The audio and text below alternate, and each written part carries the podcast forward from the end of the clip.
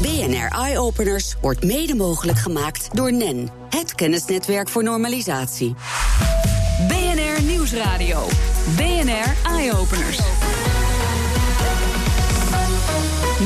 De leunhoek, de snelheid, het stuur, het remgedrag van de fietser en de stabiliteit van de fiets. Het kan allemaal gemeten worden met de sensorfiets van de TU Delft. Het doel van dat project: topwielrenners sneller laten afdalen en de reguliere e-bike een stukje veiliger maken. Arend Swaap van de TU Delft, uh, welkom in de studio. Laten we eerst maar eens even beginnen bij die topwielrenners. Waar werken jullie precies aan daar in Delft? Nou, we hadden de vraag gekregen van Giant Alpecin. Wat maakt er nou dat de ene uh, wielrenner zoveel sneller afdaalt dan de ander? Want ja, je kan natuurlijk niet echt winnen een wedstrijd in een afdaling, maar nou, je kan hem wel verliezen. Som, ja, nee, precies ja. ja. Want sommigen zijn er wel heel erg goed in. Hè? Sommigen zijn er heel erg goed en sommigen hebben heel erg pech. Hè? Steven Kruiswijk bijvoorbeeld, of bij de Olympische Spelen uh, Annemiek van Vleuten. Dus de grote vraag was: waarom is de een zo goed in dan de ander. Ja, ik denk dan doodsverachting. Dat zou best een, een rol kunnen spelen. Ja. Maar we wisten het niet. Nee. En wat doe je dan? Dan, uh, dan rust je gewoon een fiets uit met sensoren en je gaat gewoon alles meten. Uh, nou, dat hebben we gedaan. En uit die metingen haal je dan een aantal trends naar voren. Van waarom is de een nou sneller dan de ander? Um, ja, het klinkt een beetje als een open deur, maar ja. je moet gewoon laat hard remmen. Ja, eigenlijk zoals Max Verstappen dat dus ook doet. Ja, ik weet niet zoveel van Formule 1, maar ik kan me wel voorstellen. Nou, dat doet hij, dat doet hij. Kan ik. Maar welke informatie zijn jullie dan precies naar op zoek? Want je moet dus laat remmen, oké, okay, dat is dan duidelijk, maar er zal wel iets meer mee spelen nee, dan er, alleen dat. Er speelt veel meer mee. Het is ook de houding op de fiets, hè, het vooroverleunen links en rechts, hoe je je knieën in en uit doet. Uh, uh, het stuurgedrag is natuurlijk heel erg belangrijk. Op een of andere manier heeft de renner heel goed door wat, wat de bandkrachten zijn die hij maximaal kan benutten. Nou, als wij gaan meten, dan kunnen we hem ook feedback geven over, joh, je mag nog wel een beetje meer sturen. Of oh, wacht nog even met remmen, want dat komt best wel goed. Maar dit klinkt allemaal zo logisch. Hè? Dit gebeurde hiervoor nog niet? Nee, dat gebeurt nog niet. Nee. Uh, in, in een tour, in een wedstrijd zien we ja. het niet. Maar sterker nog, in een training zien we het ook niet. Hè. De feedback die we daar eigenlijk geven is... Uh, je kijkt een beetje naar hoe iemand afdaalt... en je ja. kijkt naar zijn eindtijd en dat is het dan. Dus tot nu toe werd er eigenlijk gewoon geaccepteerd... Uh, de ene is een goede daler, de ander niet. Helaas, pech ja, gehad. Nou ja, misschien werd er nog een beetje op een min gepraat van... je kan het wel. ja, ja, ja, maar dat weet ik niet precies hoor. Maar ja, wij wilden nu gewoon harde data hebben... en ja, toch ook een beetje met een blik naar de toekomst... van bij de training apparatuur beschikbaar stellen... zodat je meteen real-time feedback krijgt, zodat je je prestatie ja. direct kan verbeteren. Nou, nou kan de, de snelheid en, en, misschien ook wel het remmen, hè, de, de, kracht waarmee je remt, dat is misschien wel redelijk makkelijk te meten. Maar hoe je houding op de fiets precies is, de leunhoek, ik denk dat dat heel belangrijk kan zijn. Hoe, hoe meet je dat precies? Dat is best wel lastig. Ja, en, dat kan me voorstellen. Maar het, het, leuke van deze tijd is dat je allemaal sensoren hebt die klein zijn, licht zijn, makkelijk te instrumenteren en best wel betrouwbare data geven. Uh, en dat zie je steeds meer in de sport her en der gebruikt worden. Dus we kunnen steeds beter meten. En als we beter kunnen meten, kunnen we dat ook weer teruggeven aan de, aan de, aan de wielrenner. En dat kan real-time? Dat kan real-time, maar ik zou er toch nog wel een trainer tussen willen ja, hebben. Toch wel? Ja, want je moet niet alle informatie meteen teruggeven aan de wielrenner. Hè? Je moet toch een selectie maken uh, uh, van wat is nuttig en, en wat is niet nuttig. Ja, want kun je daar al een verschil tussen maken? Kun je daar iets meer over zeggen? Um, wat bedoel je precies? Nou ja, je, je, wil een verschil maken tussen wat nuttig is en wat niet nuttig is. Maar wat is nou niet nuttig? Alle informatie is toch nuttig die je eruit haalt? Uh, nou, maar misschien is het wel een overkill voor de, oh, ja, voor de rijder. Okay. En heeft hij ja, ja. dus geen idee wat hij moet precies. doen. Dus je moet in die zin selectief zijn. En ik denk zaken zoals uh, remgedrag, waar we hebben gezien dat het heel belangrijk is, eigenlijk, een grote invloed heeft. Dat is, is nuttig om te, te feedbacken. En uh, ook positie op de weg. Alhoewel we daar nog wel moeite hebben om dat nauwkeurig te meten. Oké, okay, dat, dat vergt dus wat nader onderzoek. Maar, maar hoeveel verschil gaat, gaat dit nou uiteindelijk maken in de wedstrijd? Hè? Want je, zei het al, je kunt een wedstrijd er niet mee winnen, maar wel verliezen. Ja, nou, allereerst, je kan hem verliezen doordat je gewoon te val komt. Hè, dat ja. is één ding. Maar we zien ook tijdsverschillen in een, uh, in een, een afdaling van zoveel zeven seconden ja. of zo. Ja, dat tikt toch aan op den duur. En we zagen het afgelopen Tour de France natuurlijk ook Absoluut, gebeuren. Hè? Ja. Dus, uh, waar, waarbij gewoon een etappe gewonnen werd met een afdaling. Ja. Um, u had het al, je had het, we zouden het ja, je, je had het al over uh, Annemiek van Vleuten. Ja. Tijdens de Olympische Spelen in Rio. Zij is gevallen, ze, ze lag op koers voor goud. Absoluut. Had ze die gouden geplak uh, uh, wel gepakt als ze met deze sensorfiets had gewerkt? Nou, het is moeilijk te voorspellen, maar ik denk, ik denk, denk, dat de kans wel groter is. Ik denk dat de kans zeker groter is. Ik denk, als je kan trainen en je krijgt feedback via sensoren, dan zal je wat, wat dichter naar die envelop van je prestatie durven gaan. Ja, ja, ja. Maar dan moet je natuurlijk wel vertrouwen op de sensoren. Dus nou ja, en, en de vraag is natuurlijk, hè, want werkt dit voor elk type wegdek, alle weersomstandigheden. Want een nat wegdek is anders dan een droog wegdek absoluut. natuurlijk. Ja, ja ja, zeker. Dus maar daar kun je allemaal in de training naar kijken. Daar kan je naar kijken. En dat is ook nog het onderzoek eigenlijk wat we willen doen. En daarom zijn we zo blij met die Sportinnovatorprijs. Dat we daar nog met dat onderzoek verder kunnen gaan. en uiteindelijk dat, dat, dat, dat, die goede fiets kunnen bouwen. Nou, over die Sportinnovatorprijs, daar gaan we het zo over hebben. We praten ook even over de uh, mogelijkheden voor de gewone e-bike. Maar eerst kijken we even vooruit naar vanavond. Want dan wordt bekend uh, gemaakt wie het nationaal icoon van 2016 wordt. Een van de tien finalisten is eh, Pieter Hof van Groasis. Hij bedacht een emmer waarmee je zelfs in de woestijn bomen en planten kunt laten groeien. Hij legde aan redacteur Carlijn Meinders uit hoe zijn Growbox precies werkt. Het werkt eigenlijk zo dat we een uh, emmer hebben die eruit ziet als een donut. Die emmer die wordt gemaakt van uh, papierpulp. Dat is hetzelfde materiaal als een eierdoos. En uh, die leggen we op de grond. In het midden van die emmer zit dus een gat en planten we de boom in de grond. Die emmer die, uh, is een heel klein beetje lek. Dus die geeft iedere dag een heel klein beetje water aan de boom. Net voldoende om te zorgen dat hij niet doodgaat. Maar die boom die wil graag groeien. En omdat hij eh, daarvoor water nodig heeft, weet hij, ik moet wortels maken. En dan weet dat die wortels omlaag moeten. En daardoor zorgen we ervoor dat binnen een jaar de wortels meer dan drie meter diep zitten. Daar zit altijd vocht, maakt niet uit welk land je zit. En is dit ook een oplossing voor misschien gewassen? Is dit een oplossing voor ontwikkelingslanden? Wat eigenlijk wel interessant is, is dat uh, ik enorm heb gefocust op het planten van bomen. Maar toen ik de oplossing helemaal had gevonden, kwam ik erachter dat uh, de klanten die het nodig hebben, een oplossing niet konden betalen. En eigenlijk is het dan geen goede oplossing. De reden is namelijk dat als je een boom plant, heb je pas over vijf jaar geld. Want het duurt een paar jaar voordat die producten geeft. Toen heb ik gezocht naar een combinatie van het telen van het planten van de boom met het telen van groenten. Dan moet je denken aan groenten die met een draad omhoog groeien, zoals komkommer of tomaten of aubergine. Want dan haal je namelijk veel meer kilo's van een vierkante meter. Wat we nu doen is dat we bovenin het deksel planten we groenten die het water uit de bak gebruiken, hydroponische teelt. En dat betekent dat je eigenlijk groentes op een ongelooflijk efficiënte manier teelt. Met veel minder waterverbruik dan wanneer ze bijvoorbeeld daar in die droge landen een groente in de grond zouden zetten. Want dan moet je er alle dagen in met water bij gooien. En uh, dat betekent dat die familie, dus mijn box gebruikt eigenlijk om een fruitboom te planten, in het jaar dat ze planten geld krijgen doordat ze groenten stelen die kunnen verkopen of eventueel zelf hun, hun groentes kunnen opeten voor een deel. En hoe lang uh, gaat zo'n emmer mee? Die emmer is eigenlijk maar één jaar nodig. Want op het moment dat die boom drie meter diep zit met zijn wortels, dan heeft hij die emmer niet meer nodig.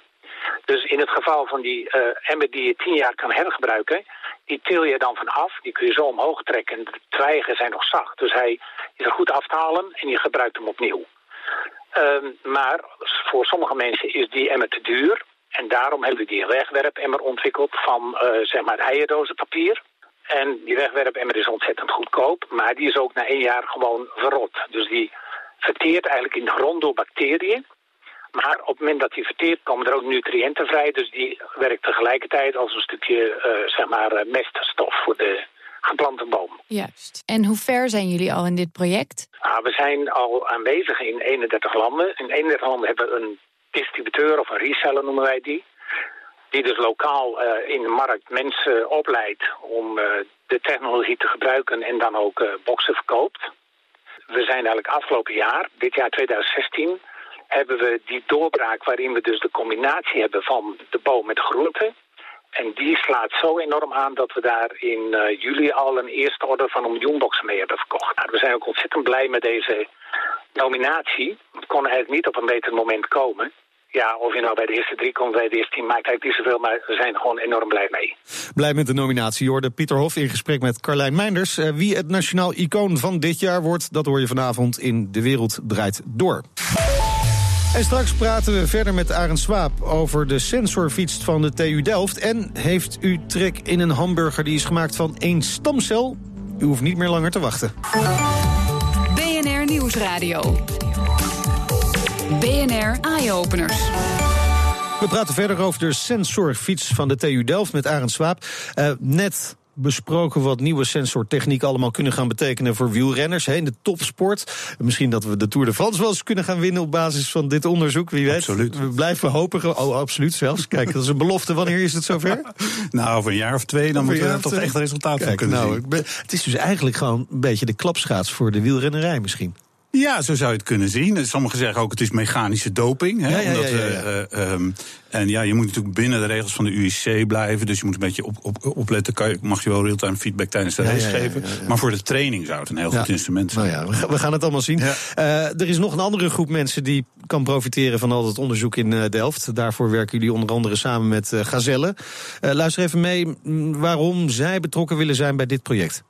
Mijn naam is Ferdi Ertekin, ik werk bij Koninklijke Gazelle als woordvoerder. E-bikes zijn voor ons zeer belangrijk. Uh, heeft een enorme groei doorgemaakt, e-bikes, omdat het voor veel doelgroepen een zeer interessant vervoersmiddel is.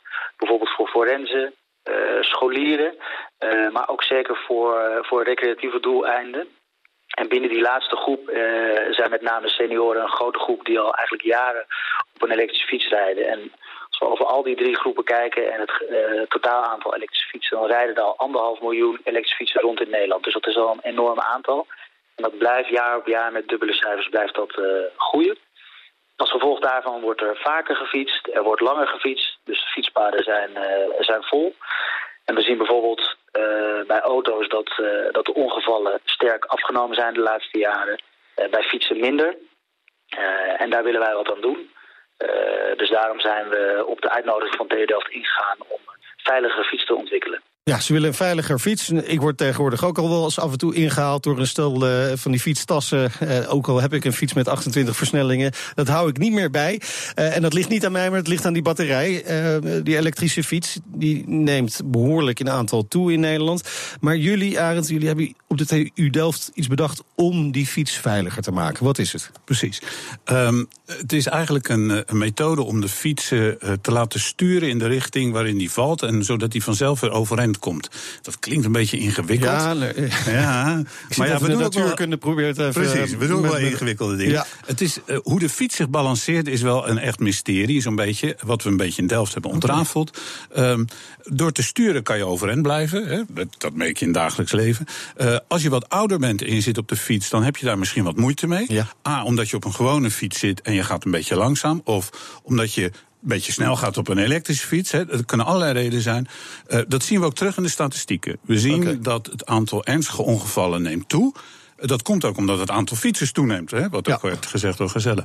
Um, maar een groot deel daarvan zijn ouderen. Dus die hebben toch wel problemen blijkbaar met de besturing van het voertuig. En de stabiliteit is daar een, een onderdeel van. Ja. Nou, wij kunnen die fiets gewoon bij lage snelheid stabieler maken door hem te laten sturen naar de kant waarop die opvalt. Ja, precies. Zo, zo blijft hij meer overeind. Dus door sensortechniek en een klein motortje. Ja, nou ben ik dat in de auto wel gewend dat je een beetje tegengestuurd wordt. Hè. Moderne auto's hebben dat ook. Als je geen uh, richtingaanwijzer aangeeft en dan toch over de lijnen wilt, dan stuurt hij een beetje terug. Maar bij fietsen, ik kan me voorstellen dat het heel raar is. Nou, zijn er al testen mee gedaan? Dat dachten wij ook. Wij dachten, ja, het is wel een leuk systeem, maar misschien wil die fiets alleen maar kaarsrecht door ja. en kan je nooit meer de hoek om.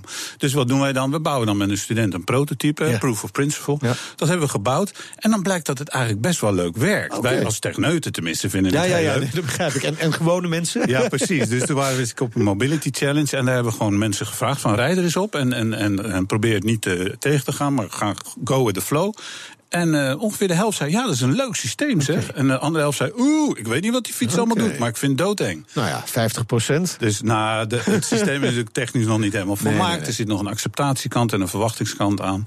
Maar uh, ja, de testen tonen aan. Je kan bij lage snelheid heel makkelijk balanceren ja. op die fiets. Maar dat is wel bijzonder. Hè? We praten met z'n allen over de zelfrijdende auto die eraan gaat komen. En daar zijn we allemaal van overtuigd dat die komt. Maar is dit niet ook gewoon de eerste stap richting een zelfrijdende fiets? Uh, we zagen al eens een filmpje van Google, hè? Ja. Ja, ja, ja, rond 1 april was dat geloof ik. precies, ja, dat was rond 1 april. Ja. Maar, nou ja, maar jullie hebben hem gewoon staan al. Wij hebben hem gewoon staan. Waar, in feite. Ja? En bij ons in het lab staat de robotbike. nee. Het is natuurlijk wel een beetje lastig. Hij heeft geen ogen en oren. Dus hij ziet niet uh, wat er om hem heen gebeurt. Dus hij rijdt keihard tegen oh. een paal op natuurlijk. er zijn al wat studenten met een gebroken neus. begrijp ik. Maar oké, okay, dat kan dus wel. Het kan wel, ja. Technisch is er eigenlijk heel veel mogelijk. Ongelooflijk. Uh, we hadden nog afgesproken dat we over de innovatorprijs zouden hebben. Want die hebben jullie gewonnen. Uh, wat houdt het in en wat betekent het voor jullie? Sportinnovatorprijs betekent eigenlijk een uh, erkenning van dat het onderzoek wat we doen op het gebied van sport uh, belangrijk wordt gevonden binnen de sportwereld. Want ja. wij zijn natuurlijk een technische universiteit, Delft. Uh, binnen Delft hebben we tegenwoordig sportsengineering als specialisatie. Dat is heel interessant voor studenten die techniek in de, in de sport toe willen passen. En het Sportinnovatiecentrum heeft ons ook het Sportinnovatorcenter genoemd. Wow. Die prijs hebben we dus ook gekregen. Ja. Dus studenten kunnen nu mooi aan sportprojecten werken die weer in dienst staan van de sportindustrie in Nederland. En daar hebben jullie ook nog een mooi zakcentje voor gekregen. 30.000 euro ja. kan allemaal helemaal toegepast worden bij projecten zoals de sensorfiets. Waar wij, wij gewoon de Tour de France gaan winnen. Het is beloofd. Dankjewel, uh, Arend Swaap, voor de komst naar de studio. En heel veel succes met alle projecten. BNR Nieuwsradio. BNR Eye-Openers. Over vier jaar kunnen we kweekhamburgers eten in een restaurant. Dat zegt professor Mark Post, die als eerste van stamcellen een stuk gehakt wist te maken. Verslaggever Jesse Pinster die sprak hem op een tentoonstelling over kweekvlees. Zou u van mijn stamcellen ook een hamburger kunnen maken? Uh, in principe zou dat kunnen, maar ik zou het niet willen. Uh, ik denk dat we die kant gewoon niet op moeten om, van, om mensenvlees te gaan zitten maken. Want een kunstenaar is hier ook zo ver gegaan om blokjes te maken van Einstein, Lady Gaga en Usain Bolt. Het kan, maar daar heeft u geen zin in. Nee, ik zie daar eerlijk gezegd het nut niet van in. En ik denk ook dat we die kant gewoon niet op moeten. Ik ben Mark Post en uh, hoogleraar fysiologie aan de Universiteit Maastricht. En beter bekend als de maker van de eerste hamburger van stamcellen. We hoeven niet cannibalisme ineens acceptabel te maken. Uh, nee, nee, daar heb ik geen enkele behoefte aan. Als er een kritiekpuntje was op de presentatie twee jaar geleden van de hamburger... was het dat hij nog niet zo sappig was. Ja, dat klopt. Um, en dat komt natuurlijk voor een belangrijk gedeelte... omdat er geen vet aan toegevoegd was. Dat was heel, heel mager vlees eigenlijk. Um, en zowel voor de smaak als voor de sappigheid... Um, als voor de textuur is vet belangrijk. En dat kan nu wel? Dat kan nu wel. We kunnen nu apart vetweefsel kweken... en dat dan uiteindelijk toevoegen aan de hamburger... in hoeveelheden die we zelf kunnen kiezen. Heeft u het al geproefd? Uh, nee, die, die tweede versie hebben wij niet geproefd. Dat vinden we ook niet veel zin hebben. Um, uiteindelijk uh, wachten we op, of zijn we bezig natuurlijk ook met opschalen van de productie.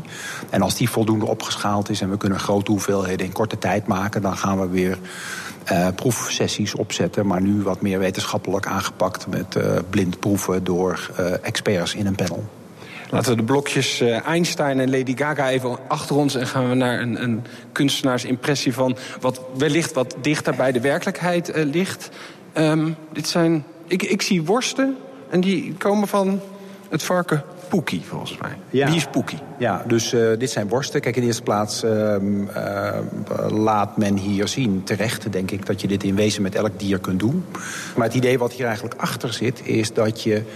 Um, dit op hele kleine schaal zou kunnen doen. Um, uh, mijn, mijn favoriete beeld daarbij is een kinderboerderij in het centrum van de stad... met een paar dieren die door kinderen gevoed worden... die uh, namen gegeven worden door de kinderen die uh, geaaid worden... en dan eens in de zoveel tijd dan prikjes in de bil om hun stamcellen te oogsten... en dan in een schuur naast de kinderboerderij maak je vlees voor de hele uh, wijk. Wanneer kan ik de hamburger zelf gaan proeven? Twee jaar geleden zei u 10, 20 jaar gaat dat nog duren. Ja, ik was toen expres wat, uh, wat voorzichtig. Um, ik ben nu iets minder voorzichtig geworden. Ook omdat nu inmiddels de afgelopen paar maanden... een aantal bedrijven zijn opgericht die zich hiermee bezighouden... inclusief ons eigen bedrijf.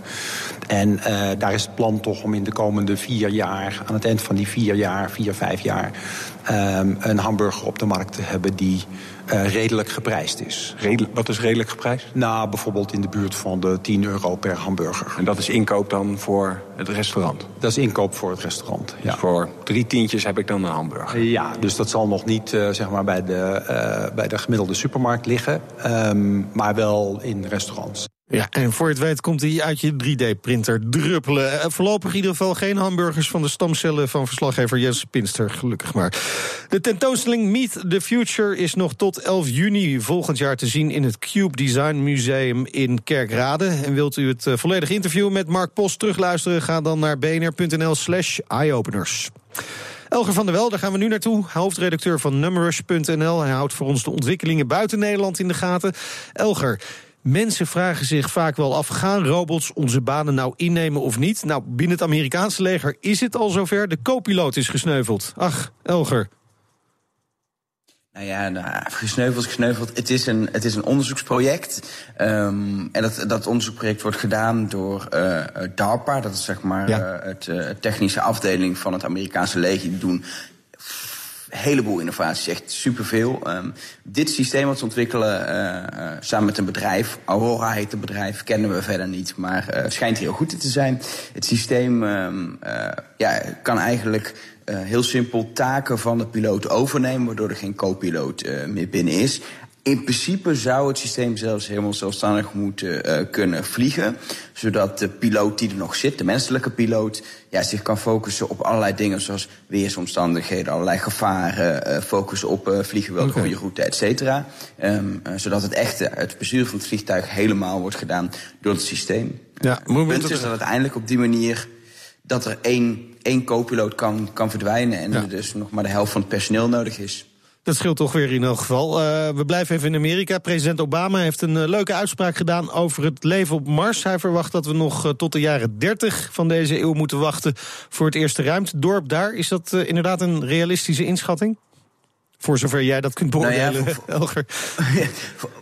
Voor een echt meteen een ruimtedorp is het misschien wat optimistisch. Um, hij zegt, ik verwacht dat we in, in de jaren 30, um, dus dat is, dat is een jaar of twintig eigenlijk, dat we dan op Mars komen als mensen. Um, hij is daarin wat voorzichtiger dan Elon Musk, natuurlijk de ja. grote uh, futuristische ondernemer in Amerika, die onder andere de basis is van SpaceX. Die noemt 2022 als datum, maar die zegt er ook bij de mensen die dan gaan, die overleven het niet. Nou ja, dat wil Obama niet op zich weten hebben, dus nee. die is wel voorzichtiger.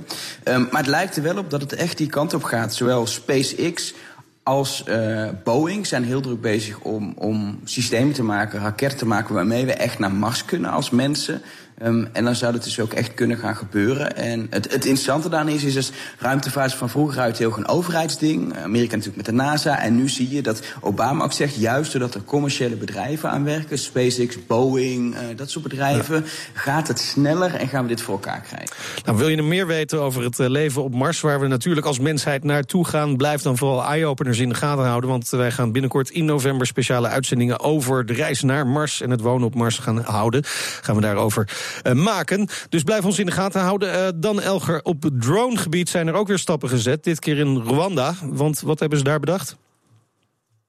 Is wel grappig. We hebben natuurlijk al, een aantal keer gehad over uh, bezorgen met drones. Dat je dus echt zeg maar drones gebruikt om, uh, om pakketjes af te leveren. En het is uiteindelijk niet Amazon in Amerika of zo die dat primeurt. Maar dat is uh, het bedrijf Zipline in Rwanda. Die doet dat met een heel nuttig doel. Namelijk om medicijnen of bloed of andere medische hulpmiddelen echt op tijd uh, uh, bij mensen die het nodig hebben te krijgen. Gewoon sneller dan over de weg. Er zijn gewoon wat minder regels in een land als Rwanda en daardoor kan het sneller. En, uh, en is dat een hele mooie stap. En ze zetten het echt in het hele land op met allerlei stations om het echt landelijk te doen. Dus okay. echt een hele opvallende innovatie. Mooi. Dankjewel Elge van der Wel, hoofdredacteur van Numrush.nl. Dat was hem voor nu. Je hoort ons in de toekomst.